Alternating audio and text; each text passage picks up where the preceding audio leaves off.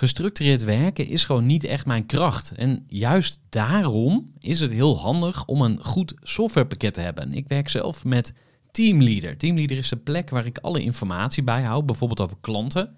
Waarin ik offertes maak en verstuur en die digitaal laat ondertekenen. Waarin ik facturen verstuur, waarin ik lijstjes bijhoud, waarin ik projecten kan managen, waarin ik standaard e-mails kan programmeren. Kortom, ik gebruik Teamleader om alle werkprocessen van mijn bedrijf te stroomlijnen. En zeker ook als je met een team werkt, is het heel fijn om over dezelfde informatie te beschikken.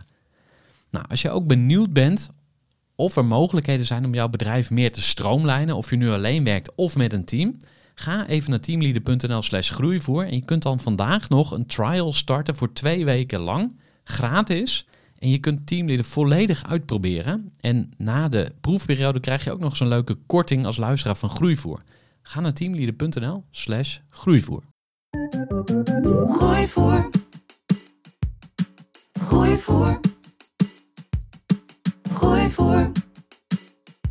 Zoek je inzicht, inspiratie voor je eigen bedrijf. Wil je elke dag iets leren? Luister dan naar Gooi voor.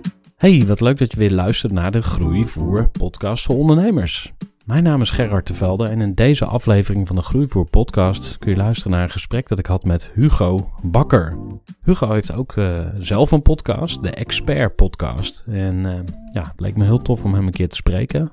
En uh, we hebben eigenlijk twee gesprekken opgenomen. De ene, deel 1 staat al live en dit is deel 2 waar je nu naar luistert. Deel 1 heb ik Hugo geïnterviewd en in deel 2 heeft Hugo mij geïnterviewd. Dus dat is waar je nu naar luistert. En uh, ja, het komt van alles aan bod.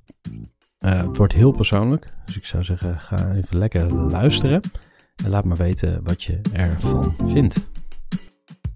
Voor de kennis en ideeën van een interessante gast. Die zijn verhaal met jou wil delen. Luister je naar Gooi voor. Welkom bij weer een nieuwe Expert Podcast. Ik ben een tijdje weg geweest. Dat was al voor de zomervakantie. En nu zitten we midden in de zomervakantie en ik heb een hele bijzondere gast die bij mij thuis is. Uh, ja, ja, ja. Um, hoe introduceer ik iemand die ik nog niet goed kende voor vandaag? Want de meeste gasten die ken ik al wat langer. En dan volg ik ze of ze komen op mijn lijstje van die wil ik uh, interviewen.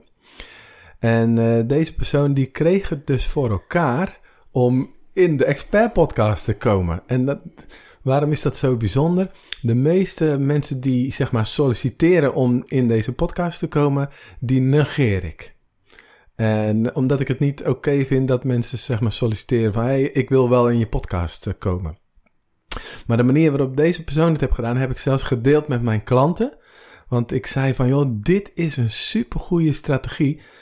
Uh, denk er eens over na om dat misschien ook eens uh, te doen. Want mijn gast die verschijnt opeens in allerlei podcasts. Hij, er liggen hier een paar boeken die ik uh, met de vakantie ga lezen. Hij zegt, oh, bij deze ga ik in de podcast. Of deze komt bij me in de podcast. Dus podcast als strategie en in podcast komen van anderen. Supergoeie strategie. Gerard Tevelde, welkom. Dankjewel. Business coach en eigenaar van een bedrijf waar je eigenlijk min of meer helemaal los van bent. En um, ik zal ook nog eventjes toelichten waarom ik dan op een gegeven moment dacht van ja, welkom in mijn podcast. Uh, jij bleef me aanhouden.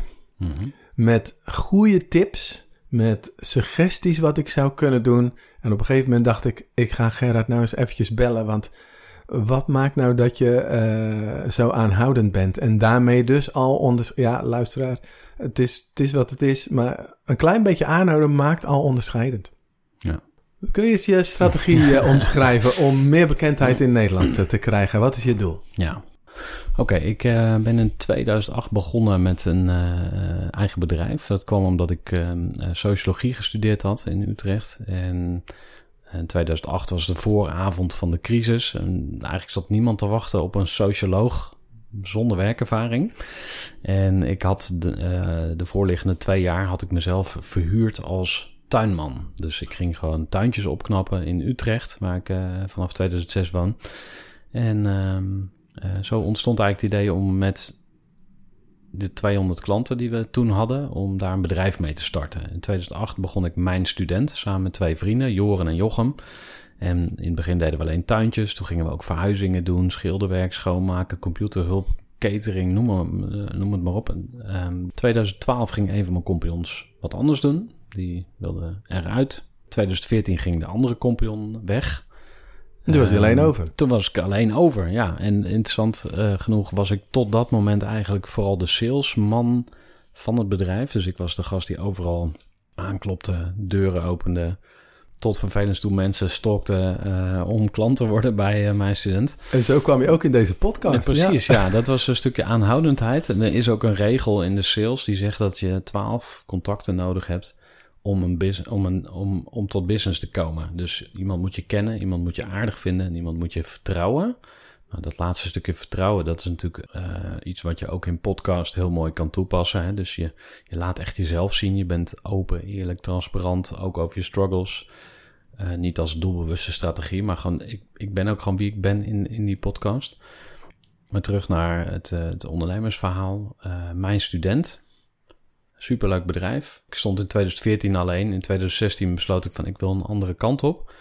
Ik wil niet alleen maar studenten gaan verhuren. Ik wil ook ehm, een businessmodel bouwen waarbij ik ook meer stabiliteit ga creëren. Dus ik ga ook eh, volwassen mensen eh, uitzenden. Want we zaten echt in het, in het uitzenden en het detacheren eh, van facilitair personeel. En toen heb ik het bedrijf Eager People genoemd.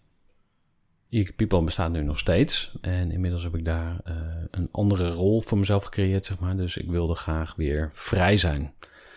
Nou, 2018 heb ik het stokje overgedragen aan Dennis en Floor. Die zijn sinds eh, dat moment eh, in charge.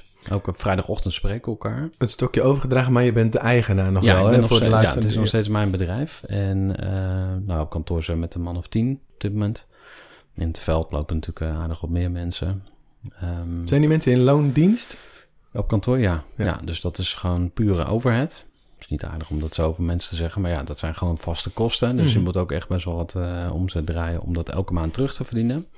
Maar goed, ik, ik heb daar jarenlang eh, heel hard eh, gewerkt. En na tien jaar ondernemen dacht ik van, hey, ga ik nog tien jaar ditzelfde doen of niet? Antwoord was nee. Toen heb ik mezelf dus vrijgespeeld. En dat is waarom ik nu ook de podcast maak. Ik dacht van, nou, ik ga gewoon eens eh, nadenken van wat wil ik eigenlijk. Ik luisterde al heel veel podcasts.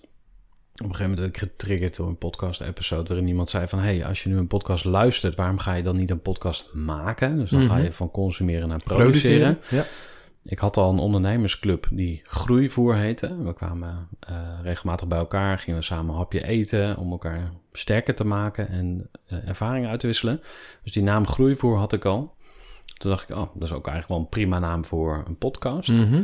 En pas daarna heb ik bedacht van, oké, maar ik moet dan toch een verdienmodel ook gaan creëren. Want eh, podcasten doe ik heel graag en dat vind ik heel leuk. Maar ja, ik moet ook, er moet ook brood op de plank. En eh, ik heb nu een gezin om voor te zorgen. En ik wil ook ehm, de vrijheid borgen, zeg maar. Dus eh, ja, die financiële basis creëren, zodat ik ook in mijn hoofd vrij ben. Maar dat ik ook echt zelf kan kiezen hoe ik mijn tijd indeel. Terwijl het eh, feitelijk eigenlijk niet hoeft, omdat je pe- people hebt, toch? ja, daar haal ik nu mijn salaris uit. En Ja. daar komt ook winst uit. Alleen ik wil niet meer mijn salaris eruit halen. Dus dat zou betekenen dat er iets, ja, iets, maar dat er meer winst komt. Maar ja, ik wil gewoon door, weet je. Ik wil gewoon weer lekker bouwen. En met groeivoer heb ik eigenlijk een soort business incubator eh, eh, gemaakt. Of een soort bedrijf dat bedrijven bouwt. Of dat andere ondernemers helpt om hun bedrijf verder te bouwen. Dus je zei net al van, oh ja, business coach. Ja, ik vind dat een lastige term. Ik heb het wel op mijn LinkedIn staan. Er zijn, iemand zei laatst, 66.000 coaches in Nederland. Hè? Dus, eh, en als je het woord coach alleen al zegt, dan haken ook al heel veel mensen af van, oh god, hebben we weer een coach, weet je, alsjeblieft zeg. Dus bij gebrek aan beter gebruik ik nu even dat woord, business coach. Ik help jou om samen eh, met jou op basis van jouw, jouw drive, zeg maar, wat je echt graag wil, om je bedrijf beter neer te zetten. Dus echt te bouwen aan je bedrijf. Dus ik werk graag bijvoorbeeld met ondernemers die een heel mooi bedrijf hebben, maar veel te weinig geld verdienen. die niet commercieel zijn, tussen aanhalingstekens. Er heel veel ondernemers die willen graag impact maken, maar die, dat commerciële stuk, dat lukt niet zo goed. Nou, dat is mijn, een van mijn krachten, zeg maar. Of ondernemers die een beetje er doorheen zitten, weet je wel, die een beetje vastgelopen zijn, die niet zoveel energie meer hebben. Dus dan geef ik daar een, een boost. Of ondernemers die zeggen van, hé, hey, ik wil mezelf vrij gaan spelen. Dus ik wil mijn vrijheid terugveroveren, waarom ik ooit ben gaan ondernemen. En dat triggerde mij, Ja. omdat ik natuurlijk al jarenlang ontrainwerkvormen.nl heb. Hmm. En daar een beetje soort van eh, in een spagaat zit van... ga ik daar nou volop eh, mijn eigen tijd in stoppen... of zet ik daar iemand op, maar ik kon niemand vinden. Hmm. Die ik inmiddels gevonden heb en die eigenlijk alles gaat regelen... zodat ik nog maar één uurtje per week overleg hoef eh, te hebben. Maar Hmm. dat stuk, ik denk dat Ja. er heel veel interesse in is eh, in mensen... Ja. jezelf vrij kunnen spelen. Waarom zou je überhaupt jezelf vrij willen kunnen spelen? Ja. Ja, er zijn heel veel antwoorden. eh, Maar, maar vrijheid, dat, dat is de essentie, zeg maar. Dus als kind ben je vrij. En je doet waar je zin in hebt. En dan op een gegeven moment moet je naar school. En dan krijg je nog meer verplichtingen, nog meer en nog meer. En dan ga je in loondienst. Of je gaat ondernemen. En de bedoeling van ondernemen is dat je iets moois creëert en eh, dat je zelf beslissingen neemt. Maar als dat niet zo is, dus als je je niet vrij voelt in je bedrijf, dan hou je jezelf eigenlijk voor de gek. Of dan ben je eigenlijk ehm, op het verkeerde spoor, denk ik. Ja. Ja, en om daar dan weer uit te komen, dat, daar, daar zijn gewoon stappen voor, zeg maar. Dus daar kun je best eh, in ontwikkelen. En wat ik zelf ervaar bijvoorbeeld, is doordat ik heel veel tijd zelf mag indelen, hou ik meer ruimte ook over om gewoon echt na te denken. En dat is wat er bij veel ondernemers misschien ook wel aan schort. Dat je eigenlijk helemaal geen tijd hebt om diep na te denken. Of om je even terug te trekken en te bezinnen. Of om gewoon creatief te zijn. Weet je wel? Dus een ondernemer is voor mij ook iemand die creëert. En productiviteit en creativiteit, die gaan niet zo goed samen. Had hier het boek liggen. Ja, hè, focus van, Mark Tichelaar. Mark ja. Tichelaar, die, die zegt dat ook. Ik hoorde, hoorde laatst een podcast interview met hem op de Eindbazen podcast. Productiviteit, dus echt hard en, en, en eh, gefocust werken, staat een beetje haaks op eh, creativiteit. Dus als je te hard werkt in je bedrijf, dan zie je het grotere plaatje niet meer. Dan ben je niet meer in staat of, eh, om out of the box naar je Mhm. markt te kijken. Je verliest misschien ook wel je klanten uit het oog. Hè, want dat is ook een valkuil waar ik zelf ook wel eens in loop. Dat je zo bezig bent met je eigen naam, je eigen producten, je diensten, je funnels, je, je hele tooling zeg maar, die je hebt. Dat je helemaal vergeet van, hé, maar waar zit die klant nou eigenlijk eh, op te wachten? Waar is hij mee bezig? Welke problemen heeft hij? Ik ga helemaal loco op groeivoer, weet je wel. En iedereen wordt helemaal gek van, ah, dan heb je die gast weer met zijn groeivoer podcast. Wat Eh, willen ze nou eigenlijk? Ja. Ja, wat willen ze? Nou, dat is misschien ook wel een oproep bij deze aan luisteraars. Om, eh, ja, roep gewoon eens even, eh, doe eens een shout-out van wat zijn eigenlijk je, je grootste problemen? Wat is je grootste bottleneck? Eh, mag in één woord, mag in één zin, maar ehm, ja, als ik een voorzetje mag doen ehm, eh, om terug te komen op mijn oorspronkelijke vraag, Ja. is het een bewuste strategie van jou om in podcasts te komen? eh, ja, maar niet, ehm, niet alleen. Kijk, ik sprak met Patrick Kikke. Die, ja, die zag ik eh, nog niet gepubliceerd, zeker? nee, die wel? staat nog in de, in, de, in, de, in de startblokken, zeg maar. Ja. We hebben elkaar ook ehm, geïnterviewd, zeg maar, om en om. Mhm. En hij, hij, ik weet niet meer of dat in dat gesprek was of een andere interview wat ik met hem hoorde. Maar eh, hij zei van, ik vind gewoon het podcasten aan zich heel leuk. Mhm. Dus om gewoon samen met iemand in één ruimte te zijn, een goed gesprek te hebben. Ja, dat er dan toevallig ook mensen meeluisteren, dat is mooi meegenomen. Maar het, hetgeen eh aan zich, zeg maar, de, de, de flow die je kunt hebben in een gesprek, dat is gewoon heel leuk. En toen dacht ik, ja, dat herken ik wel. Want ehm, als je podcast alleen maar doet als middel om een doel te bereiken, Mhm. dan zit de juiste energie er niet op. Nee. Dan, dan, ben, dan ben je instrumenteel bezig, zeg Mhm. maar. Dus ik vind podcast gewoon heel leuk. Stel, wij gaan een kop koffie drinken. Dan kunnen we nog een beetje eh, wegdromen en een Ja. beetje eh, slap ouwehoeren. Maar er zit ook een soort druk op, zeg maar. Van ja, we moeten wel nu performen. Ja. Het zal toch niet perfect worden, maar... Ja, nou maar gewoon keihard. Deze podcast gaat ook over expert worden, meer mensen bereiken. Dus Mm. als je daar je tips aan de mensen op los zou laten, Mm. hoe, hoe pak jij het aan? Want Mhm. naast dat je dus, of tenminste Eager People hebt, Ja. eh, het bedrijf waar, waar je eigenlijk niet echt 100% actief in bent, wil je dit nieuwe neer gaan zetten. Dus Ja. hoe maak je dat bekend Ja. in Nederland? Ja, Ja, één manier is om er natuurlijk heel veel geld tegenaan te gooien. Dus dat zou ook kunnen. Hè? Dat je gewoon zegt van we pakken gewoon een heel groot eh, advertentiebudget en we gaan overal ons zichtbaar maken. Dat doe je niet volgens mij? Nee, we gaan, ik heb nu wat advertising opgezet voor de podcast. Mhm. Om ook specifieke episodes uit te lichten, zeg maar. Ja. En daarmee mensen te targeten die dat onderwerp interessant vinden. Maar ik vind eigenlijk, mijn doel is niet landelijke bekendheid of zo. En mijn doel is ook niet een, een eh, volle zalen trekken of zo. Mijn doel is gewoon een, een leuke groep klanten om me heen verzamelen... die ik mag helpen bij het laten groeien van hun bedrijf. En dat gaat niet alleen om groei van omzet of, eh, of werkgebied of, of omvang, zeg maar... maar ook gewoon groei van winstgevendheid. eh, en de gebruikelijke dingen als meer vrije tijd en meer ontspanning. Maar eh, ik, ik ben een beetje getriggerd door die gast van, eh, ik noemde hem al eerder, eh, Seth Godin. Hè, die zegt van... Je zegt, je noemde hem al eerder, maar daar Ja. waren de mensen die nu luisteren niet bij. nee, We hebben precies. zojuist een gesprek opgenomen voor, pod- Voor ja. voor, Groeivoer. Groeivoer Ja, podcast. ja. En Ja, daar noemde je hem. Ja, hij, hij heeft een, hij heeft allerlei boeken geschreven, maar hij is een bekende marketeer uit Amerika, Seth Godin. En hij zegt van ja, heel veel ondernemers willen de hele wereld veroveren en iedereen tot klant maken. Maar waarom begin je niet gewoon klein met de mensen die je nu al kent, die je nu al eh, vertrouwen? Ga hun problemen oplossen. Mhm. En bouw daar iets moois mee op. Ja. En ik geloof veel meer in een klein ecosysteem eh, van liefde, bijna. Dat klinkt weer heel cheesy, maar gewoon iets heel moois, wat, wat, wat klein en maar wel ook krachtig is, weet je wel. Ehm, waar iedereen blij is, dan dat het weer zo super groot en megalomaan moet zijn. En nee, je kent misschien wel de standaard normale verdeling. Hè? Dat is in de statistiek zo'n, ze noemen het de klokvorm, zeg maar. Je hebt 1% van alle ondernemers extreem succesvol in financiële zin en in bekendheid.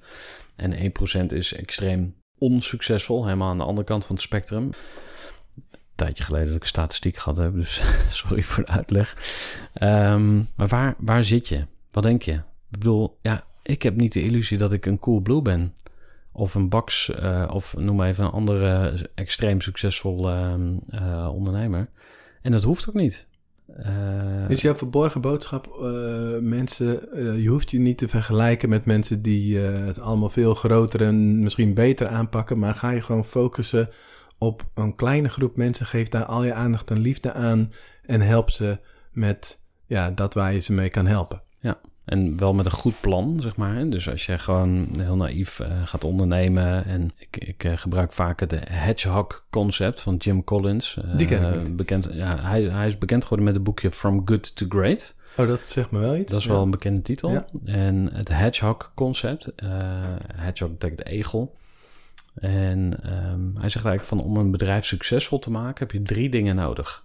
Passie. Je moet het superleuk vinden wat je doet. Ja, herkenbaar. Competentie. Dus je moet er goed in zijn. Mhm. Maar vergeet niet het laatste, en dat is een verdienmodel. Want het binnenbrengen van voldoende geld is eh, ja, de fuel, zeg maar, de brandstof voor je bedrijf. Als je dus een beetje in een naïeve eh, kant gaat zitten van... ach ja, zoek gewoon wat mensen die jou wel aardig vinden... eh, in je kleine ecosysteem van liefde en dan komt het wel goed. Zo werkt het ook niet. Dus je moet wel degelijk naar de markt kijken. Wat zijn de problemen? Zit je wel bij de juiste klanten? Is jouw product wel echt zo waardevol? Stel dat je overhead gaat creëren, verdien je dan nog steeds geld? Want dat is natuurlijk waar ik met Eager People ook mee gestruggeld heb. Van Mhm. in je eentje verdienen is makkelijk, want ja, je hebt geen overhead. Je hebt alleen je eigen tijd die erin steekt en misschien wat spulletjes. Maar ga je personeel aannemen die eh drie, 3.500 per maand bruto verdienen. Dus die kosten je 6 of nou, laten we zeggen 6k per maand. Mhm. Doe dat even keer 10, dus dan heb je al 60k overhead. Dan moet je nog een kantoor huren, allerlei verplichte verzekeringen, allerlei andere rotzooi. Dus voor je het weet, dan heb je best wel veel overhead opgebouwd. Hoe ga je dat terugverdienen? En dan zit er een beetje, kom je een beetje in een servet tafellaken eh, situatie van...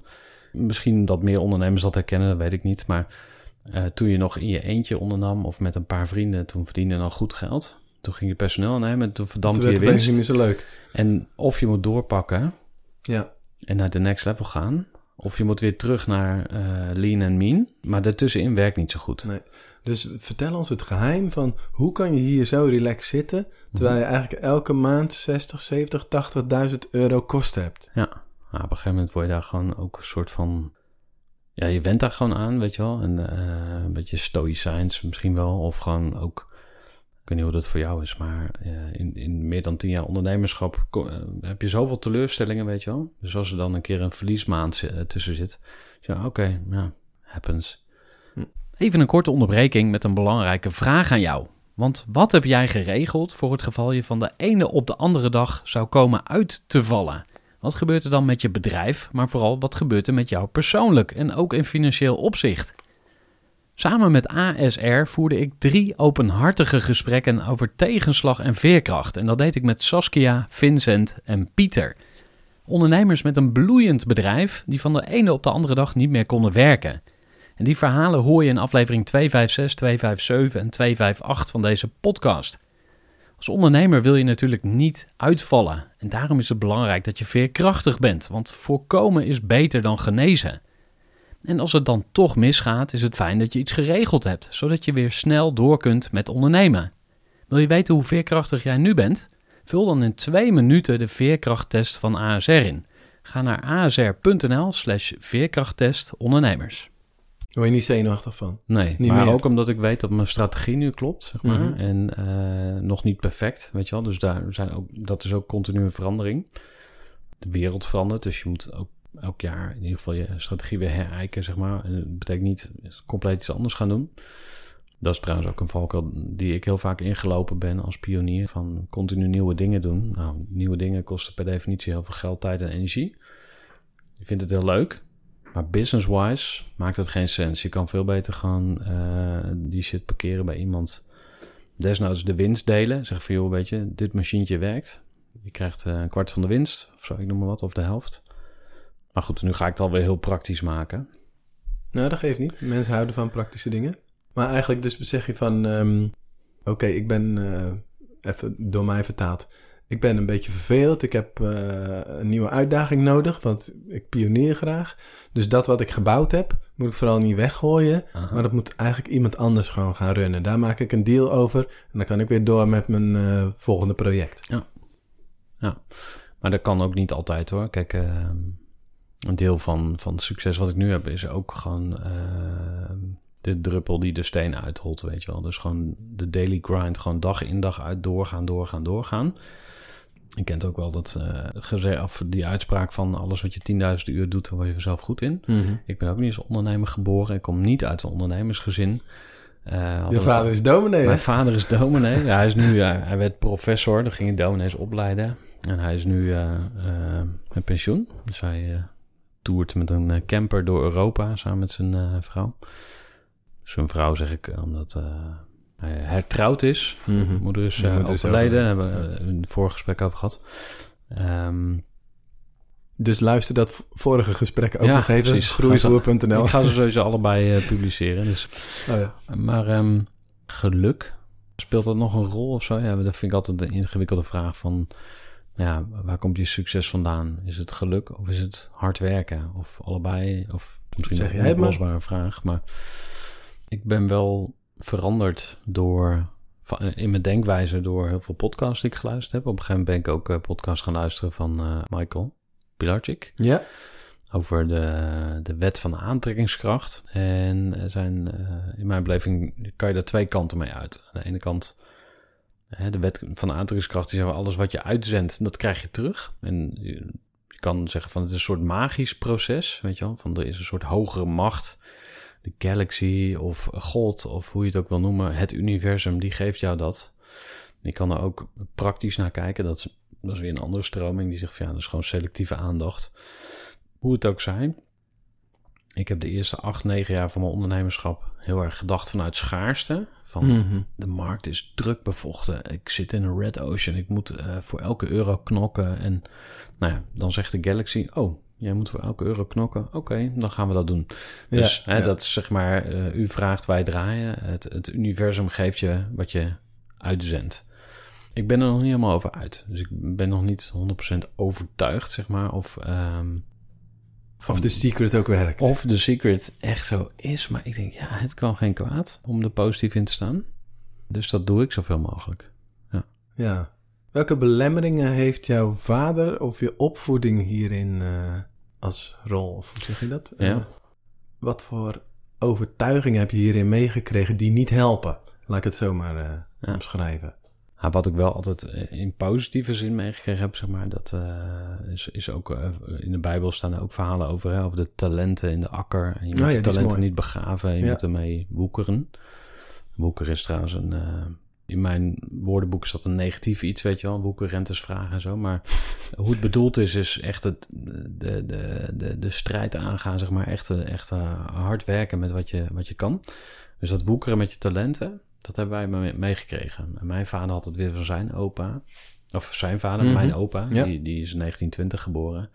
En in de naoorlogse tijd, zeg maar na de Tweede Wereldoorlog, was het allemaal hard leren, je best doen, eh, knappe prestaties leveren, goede rapportcijfers, ehm, eh, heel erg op die tour. Dus daar leer je wel streven, hard werken, eh, dat soort dingen. Ik was op mijn twaalfde aan het werk. Maar dat deed ik ook gewoon omdat ik het leuk vond. Het was Ja. niet omdat Ja. het moest. Maar ondernemen, ja, eh, niemand heeft me ooit uitgelegd hoe dat werkt. Dus daarom ben ik blij dat er nu ook veel meer voorhanden is, zeg maar. Mhm. hè? Dus, ehm, en aan de ene kant gaat het over mindset en over hoe denk je. Wat, wat- welke software heb je tussen je oren, hè? waar Michael Pilarczyk het ook over heeft. Aan de andere kant zijn het ook gewoon skills, praktische vaardigheden. En ik zoek ook altijd naar die diepere laag, zeg maar, van ja, wat, wat wil je nou eigenlijk? Weet je wel, wat wil je nou veranderen aan de wereld? Voor wie wil je wat betekenen? Ja, kijk, voor mijn vader, want dat was jouw eh, vraag, of mijn familie dan even wat breder getrokken. Wij hadden maar één of twee misschien ondernemers in de familie. Ik denk ook dat het nu heel anders is, dat er nu veel meer ondernemers zijn. En wat, ja, wat is je definitie van ondernemer? Hè? Ik bedoel, er zijn zoveel ZZP'ers, coaches. Tel je dat ook mee? Of heb je het alleen over mensen met een bedrijf, eh, met personeel of zo? Ja, weet je wel, we, ja. we zijn, eh, Ja. het, is, het is een verzamelcategorie. Mhm. Ja, Ehm, ik denk dat we die mee moeten tellen. Ja. Ja, want dat zijn de, van de grootste groep luisteraars is trainer, coach, spreker. Wat als ondernemen niet zou bestaan? mhm. Wat zou je dan doen? Eerst wat me te binnen schiet is in de tuin werken. Een beetje snoeien, eh, onkruid wieden. Eh, misschien zou ik wel boer worden of zo. Lekker buiten. Ik vind het echt wel een mooie, mooie plek ook die je hier hebt. Gewoon lekker eh, in het groen. Tweede is misschien eh ziekenzorg of zo, weet je wel. Een beetje mensen, oudjes rond te rijden in, in een BMW M3. Of, En wat- eh, nee, en wat is dan de rode draad? mensen helpen. Dat is zeg maar de, de missie van 99% van de bedrijven. Mhm. Dus iedereen helpt mensen. Ja, jij zei het ook al van, ja, waartoe ben ik hier op aard? Ik denk dat, we- dat we onszelf niet eh, kleiner hoeven te maken dan we zijn, zeg maar. Dus dat hele nederige, wat ik wel uit mijn opvoeding ook heb meegenomen. Je kan jezelf te belangrijk maken. Maar ja, je hoeft ook weer niet naar de andere kant door te slaan of zo, weet je wel. Of misschien moet je daar gewoon helemaal niet mee bezig zijn. En gewoon zo puur mogelijk en zo liefdevol mogelijk eh, handelen. Ehm, Wat is het verschil tussen ons? Als je nou kijkt van...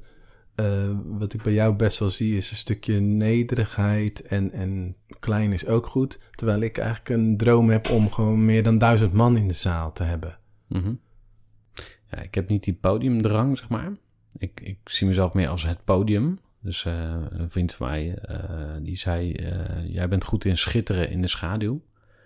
En dat vond ik mooi gezegd. Ik, van, ja, ik vind het helemaal niet erg om af en toe even credits te krijgen, zeg maar. En ik ben ook best wel zichtbaar. ehm.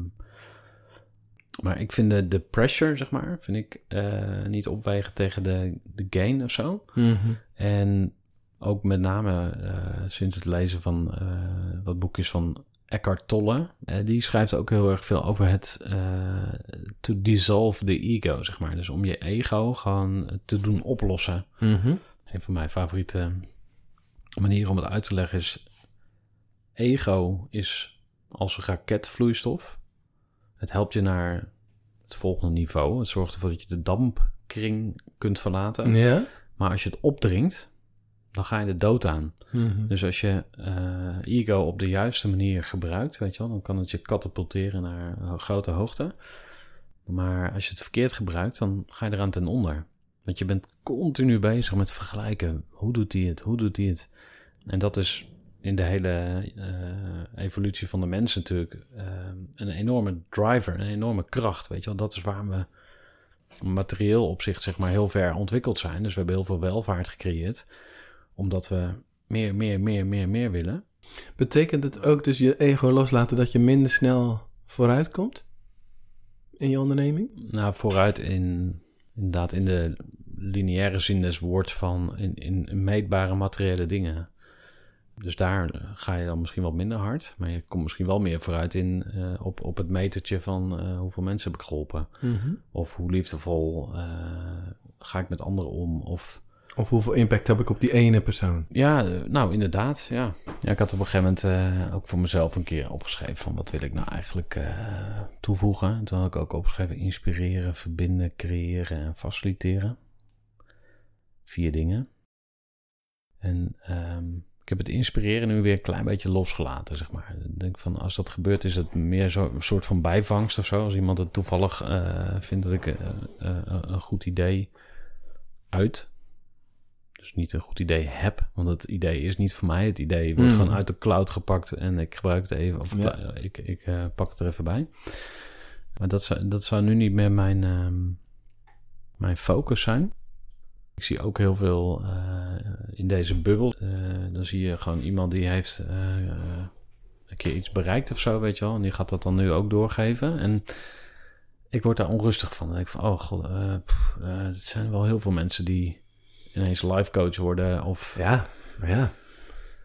ja, als er nu vraag naar is of, of als mensen daar bij geholpen willen worden of zo, ja, prima. ja. Ik voel wel een beetje mee. Dus, je ziet natuurlijk steeds meer mensen die andere mensen gaan helpen met de business. Dus er zijn heel veel business coaches waarvan je soms denkt van ja, even los van het oordelen.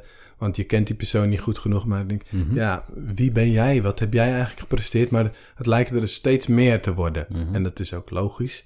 Want ja, je had het net al over schaarste. Als je niet in schaarste denkt, dan is er dus ook genoeg voor iedereen. Ja. Maar ik hoor het wel meer mensen zeggen, het valt best wel op.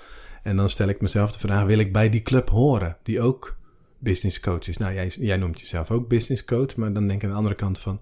Oké, maar mensen snappen dan wel wat je doet. Ja, dat is het. Dus het hokje... eh, je had ook Bart van der Belt geïnterviewd. Mhm. Eh, Bart is een vriend van mij en die noemt dat dan de mentale box. Waar, waar je in geplaatst wordt. Mensen moeten dat kunnen snappen. Dus marketingtechnisch, als je de hele wereld wil inspireren, ja, dat werkt gewoon niet, want het trekt niet aan. Je moet ergens in een boxje kunnen passen.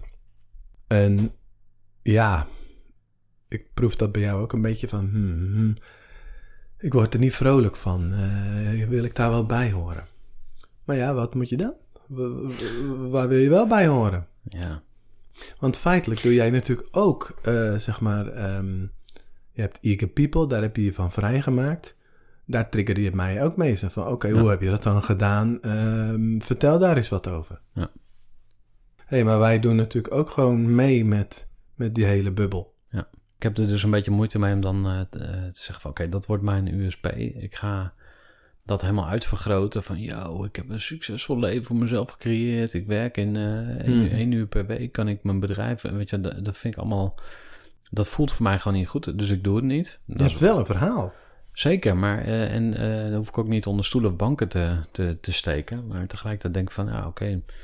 Ja, maar het is ook kwetsbaar, weet je wel. Ik bedoel, het is niet zo van, I've got it made en ik hoef er nooit meer naar om te kijken. Eh, nog steeds steek ik liefde en aandacht in, in Eager People. En ik hou ook echt nog steeds heel erg van het bedrijf. we- Hoeveel tijd steek je erin? Even gewoon voor de mensen die ik maak, daar... Ja, ik maak ook een podcast voor Eager People. Podcast Facilitair. Mhm. Nou, dat is echt een inhoudelijke podcast over, over de, de facilitaire branche in Nederland. Waar heel veel mensen werken, maar wat een beetje een onzichtbare eh, eh, beroepsgroep is.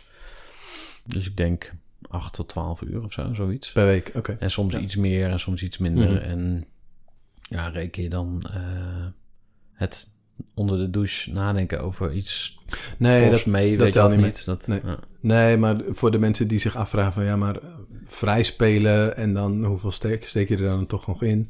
Nou, wat, wat er wel gebeurt, en dat, dat is dan zeg maar een beetje in die, in die twilight zone, is dat eh, stel de omzet loopt een beetje terug, zeg maar, of je hebt een keer wat mindere maand, dan komt iedere keer weer die verleiding om de hoek zetten om weer je oude klanten erbij te pakken en, en toch weer zelf even je schouders eronder Ja. te zetten. Ja. Ik heb daar, op een gegeven moment heb ik daar gewoon een streep doorgezet. Ik zeg van, Hm. of het bedrijf is succesvol zonder mij, of niet. Maar ik ga Mhm. niet, ik wil dat gewoon niet meer. Ik ben er gewoon helemaal klaar mee om, ja, klinkt een beetje negatief, maar dat, dat was echt op dat moment echt ook mijn gevoel van, een bedrijf moet self-sustaining zijn, zeg maar. Nou, ik wilde het in ieder geval niet. Mhm. Ik dacht van, eh, dat, dat is voor mij gewoon... Dan hangt er zo'n heel bedrijf aan mij, weet je wel. En iedere keer als het even wat minder loopt... dan, dan moet ik weer eh, instappen en, en gaan knallen. Ik wil dat gewoon niet. Voor de mensen die luisteren en ook voor mij. Mhm. Dat vrij spelen vinden we wel fantastisch natuurlijk. Ehm, want het geeft gewoon heel veel vrijheid. Dus je hebt iets opgebouwd. Daar heb je jezelf eh 100% voor gegeven. En dan weer eruit stappen. Maar het moet nog doordraaien. Ja. Zonder jou. Ja. Hoe doe je dat? Ja. Hoe kan je nou loslaten iets wat je gebouwd hebt. En dat het een zelfsturend team wordt, eh, zou ik bijna zeggen. Ja. Kun je daar eens wat handvatten in geven, wat, wat ervaringen in delen? Want ik, ik vind het best wel lastig Hmm. om, om los te laten. Nou, daar zou je mee aan de slag kunnen. Dus met, met je overtuigingen, zeg maar. Dus bijvoorbeeld, ehm, ja, waarom kun je niet loslaten?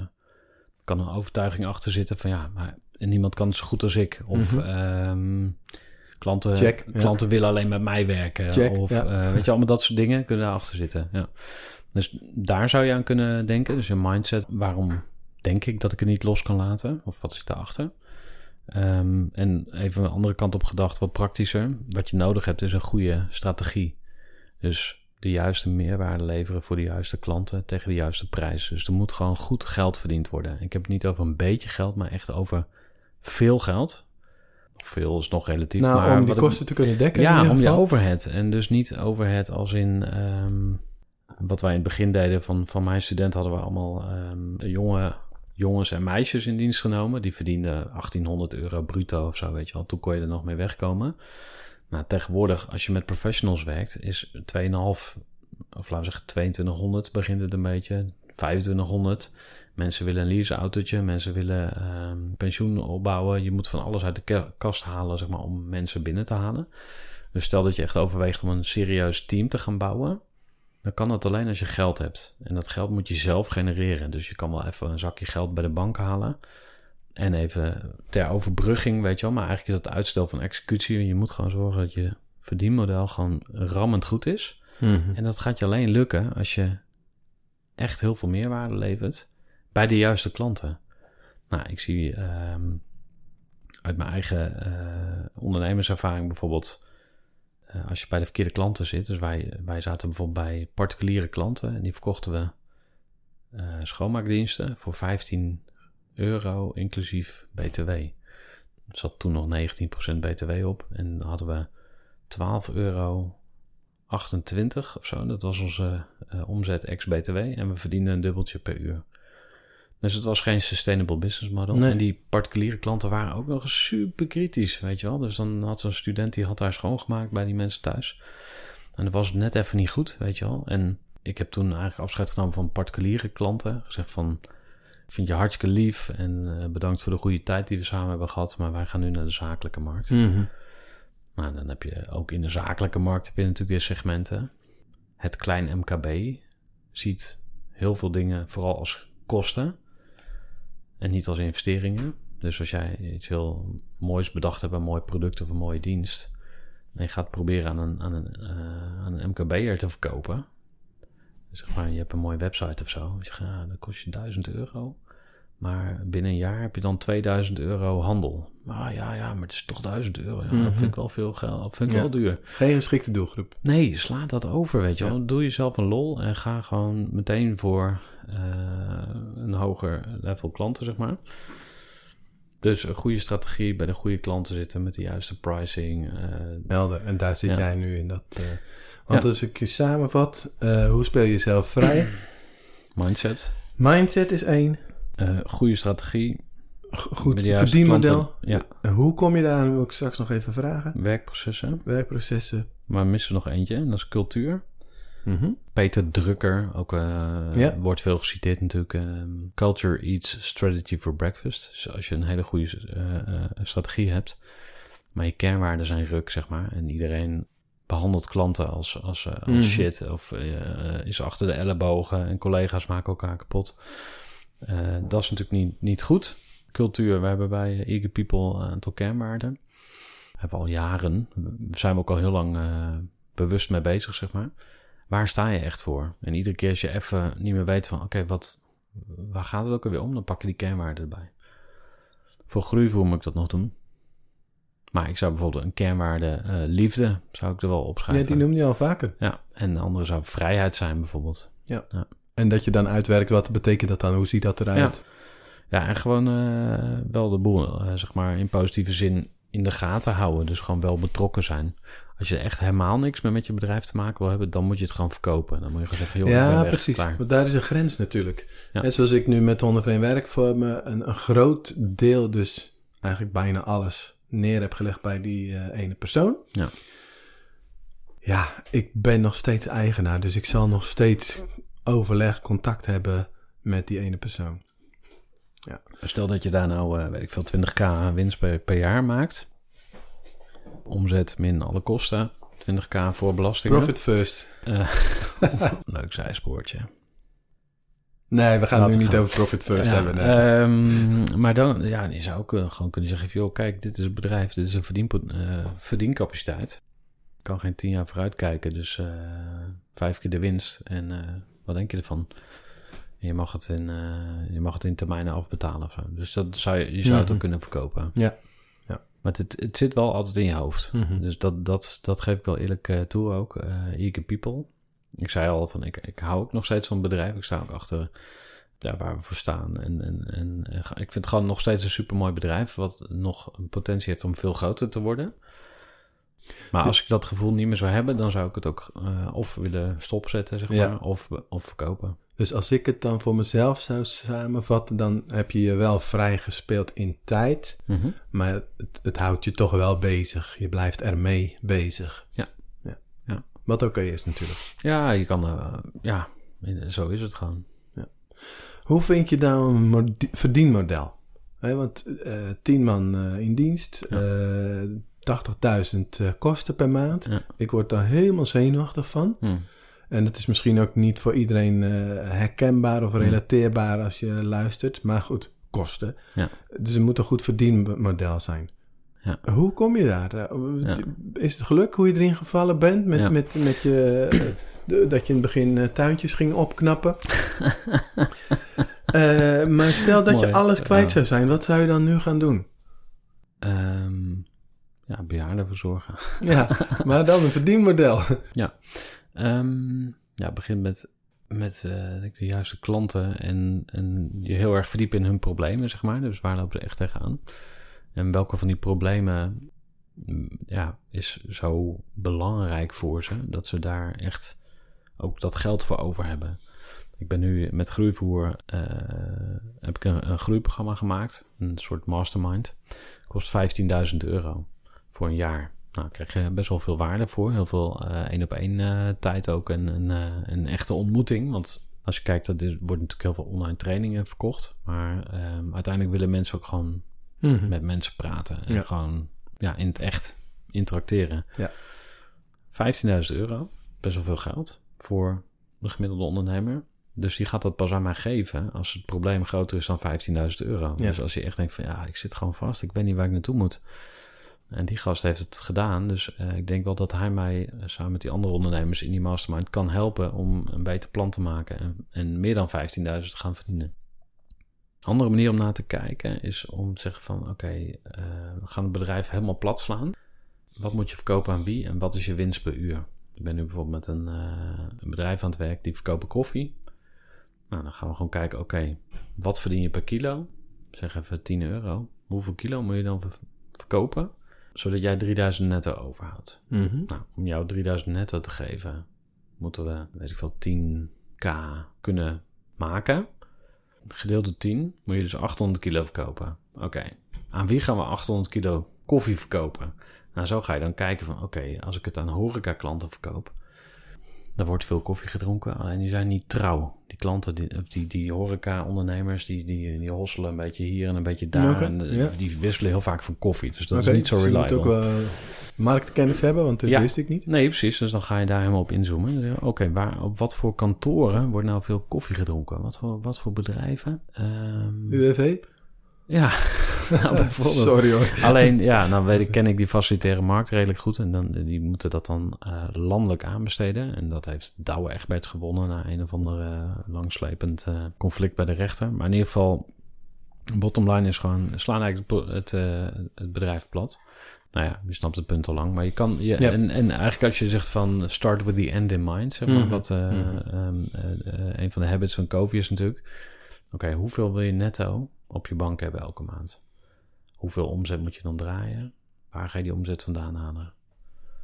En dan wordt het ineens heel confronterend voor mensen. En heel veel ondernemers die, eh, denk ik, ik moet voorkomen dat ik te veel in algemeenheden spreek, maar die rollen gewoon het ondernemerschap in.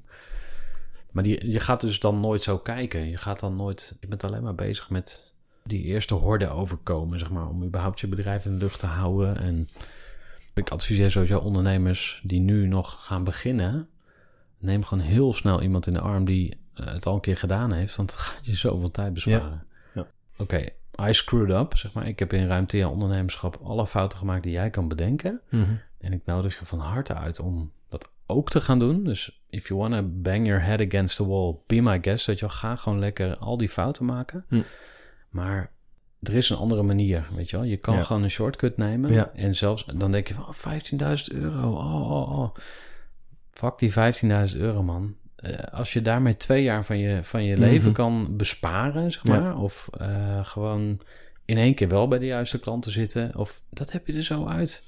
Maar dit is blijkbaar hoe mensen nog steeds beperkend denken. Ja, of zeker. Ja. in kosten denken in plaats van investeringen. ja, en dan is de kans dus al niet zo groot dat je zelf zulke soort bedragen gaat vragen. Nou, inderdaad, dat, dat zit er ook aan vast. Want heel veel luisteraars die zullen dat herkennen, dat het vragen van betere prijzen, dat het gewoon een lastig dingetje is.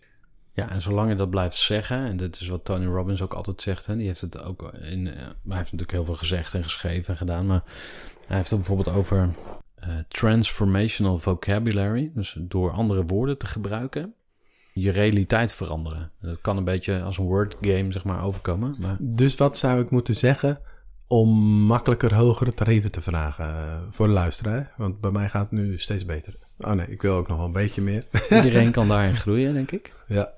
Ja, wat is het waard en wat wil je hebben? En formuleer het positief en vanuit een behoefte misschien. Ik wil graag genoeg bedankbriefjes terugkrijgen voor de waarde die ik lever. Ik steek hart en ziel erin.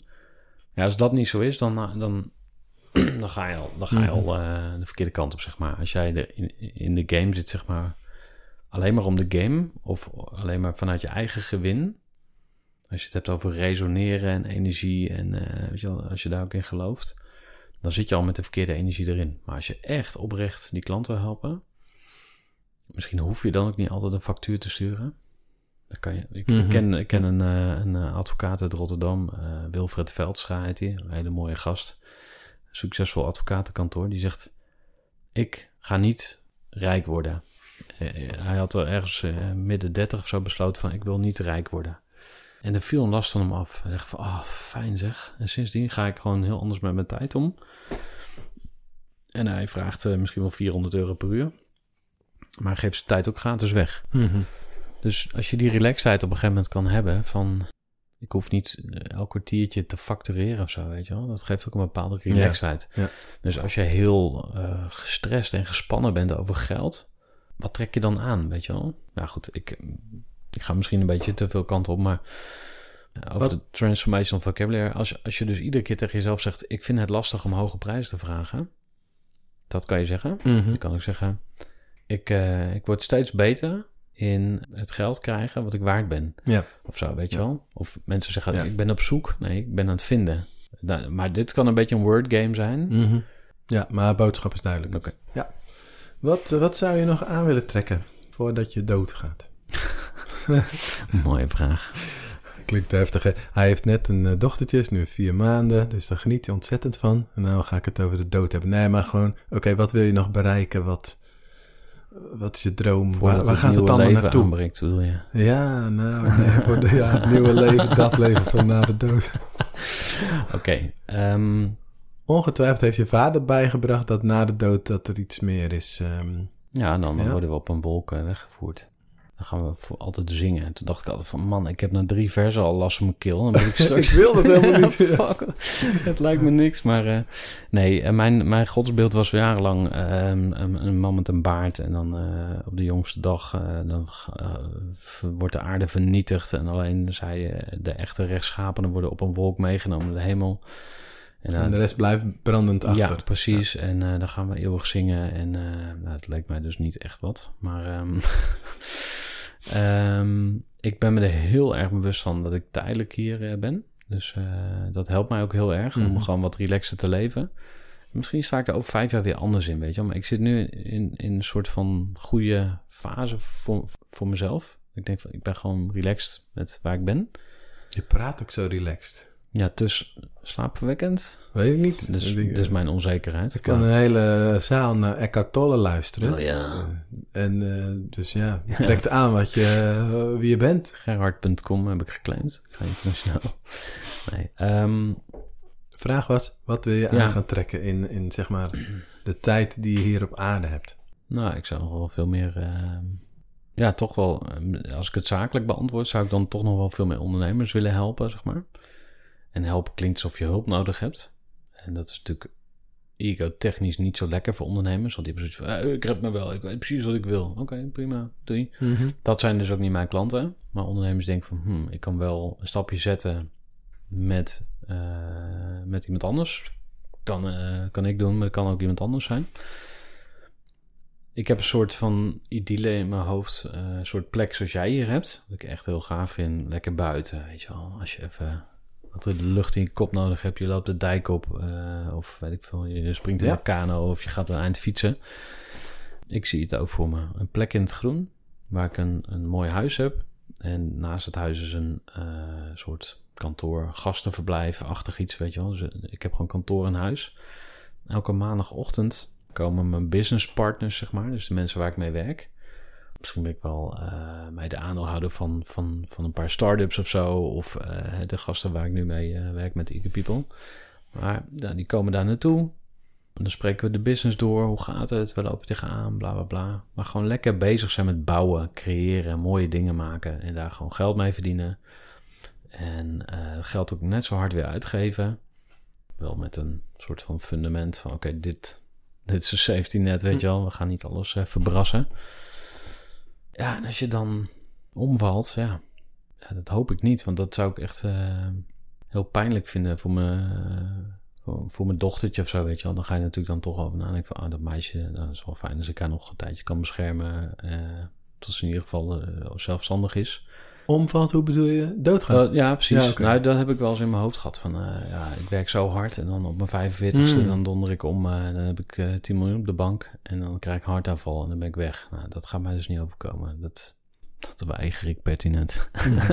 Voor zover je er invloed op hebt. Maar ja, je hebt daar wel invloed op door andere keuzes te maken. Maar ik moet zeggen, nu, ik een dochtertje heb, dan ga je daar, dat is logisch, maar dan ga je er meer over nadenken.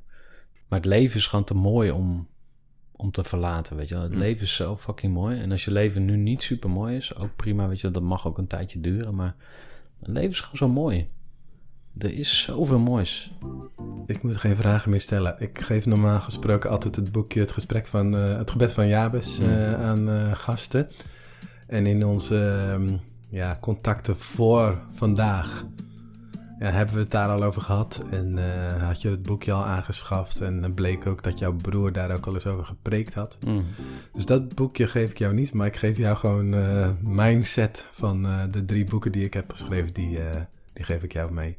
En ik gun je alle overvloed en eh, alle geluk in eh, de rest van je leven. Dankjewel. Dankjewel voor eh, jouw inspiratie. Dank.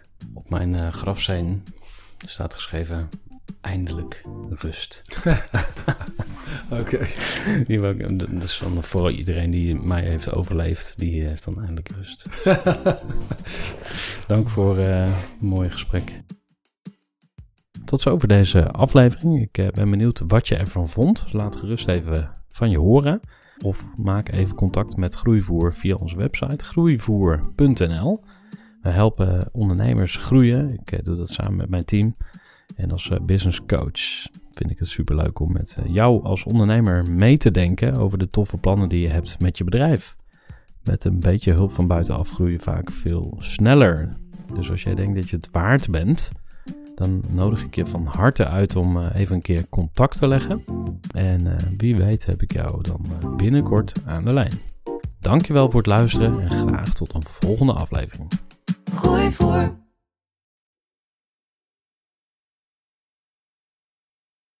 Gestructureerd werken is gewoon niet echt mijn kracht. En juist daarom is het heel handig om een goed softwarepakket te hebben. Ik werk zelf met Teamleader. Teamleader is de plek waar ik alle informatie bijhoud, bijvoorbeeld over klanten. Waarin ik offertes maak en verstuur en die digitaal laat ondertekenen. Waarin ik facturen verstuur, waarin ik lijstjes bijhoud, waarin ik projecten kan managen, waarin ik standaard e-mails kan programmeren. Kortom, ik gebruik Teamleader om alle werkprocessen van mijn bedrijf te stroomlijnen. En zeker ook als je met een team werkt, is het heel fijn om over dezelfde informatie te beschikken. Nou, als je ook benieuwd bent of er mogelijkheden zijn om jouw bedrijf meer te stroomlijnen, of je nu alleen werkt of met een team, ga even naar teamleader.nl slash groeivoer en je kunt dan vandaag nog een trial starten voor twee weken lang, gratis. En je kunt Teamleader volledig uitproberen. En na de proefperiode krijg je ook nog zo'n leuke korting als luisteraar van Groeivoer. Ga naar teamleader.nl slash groeivoer.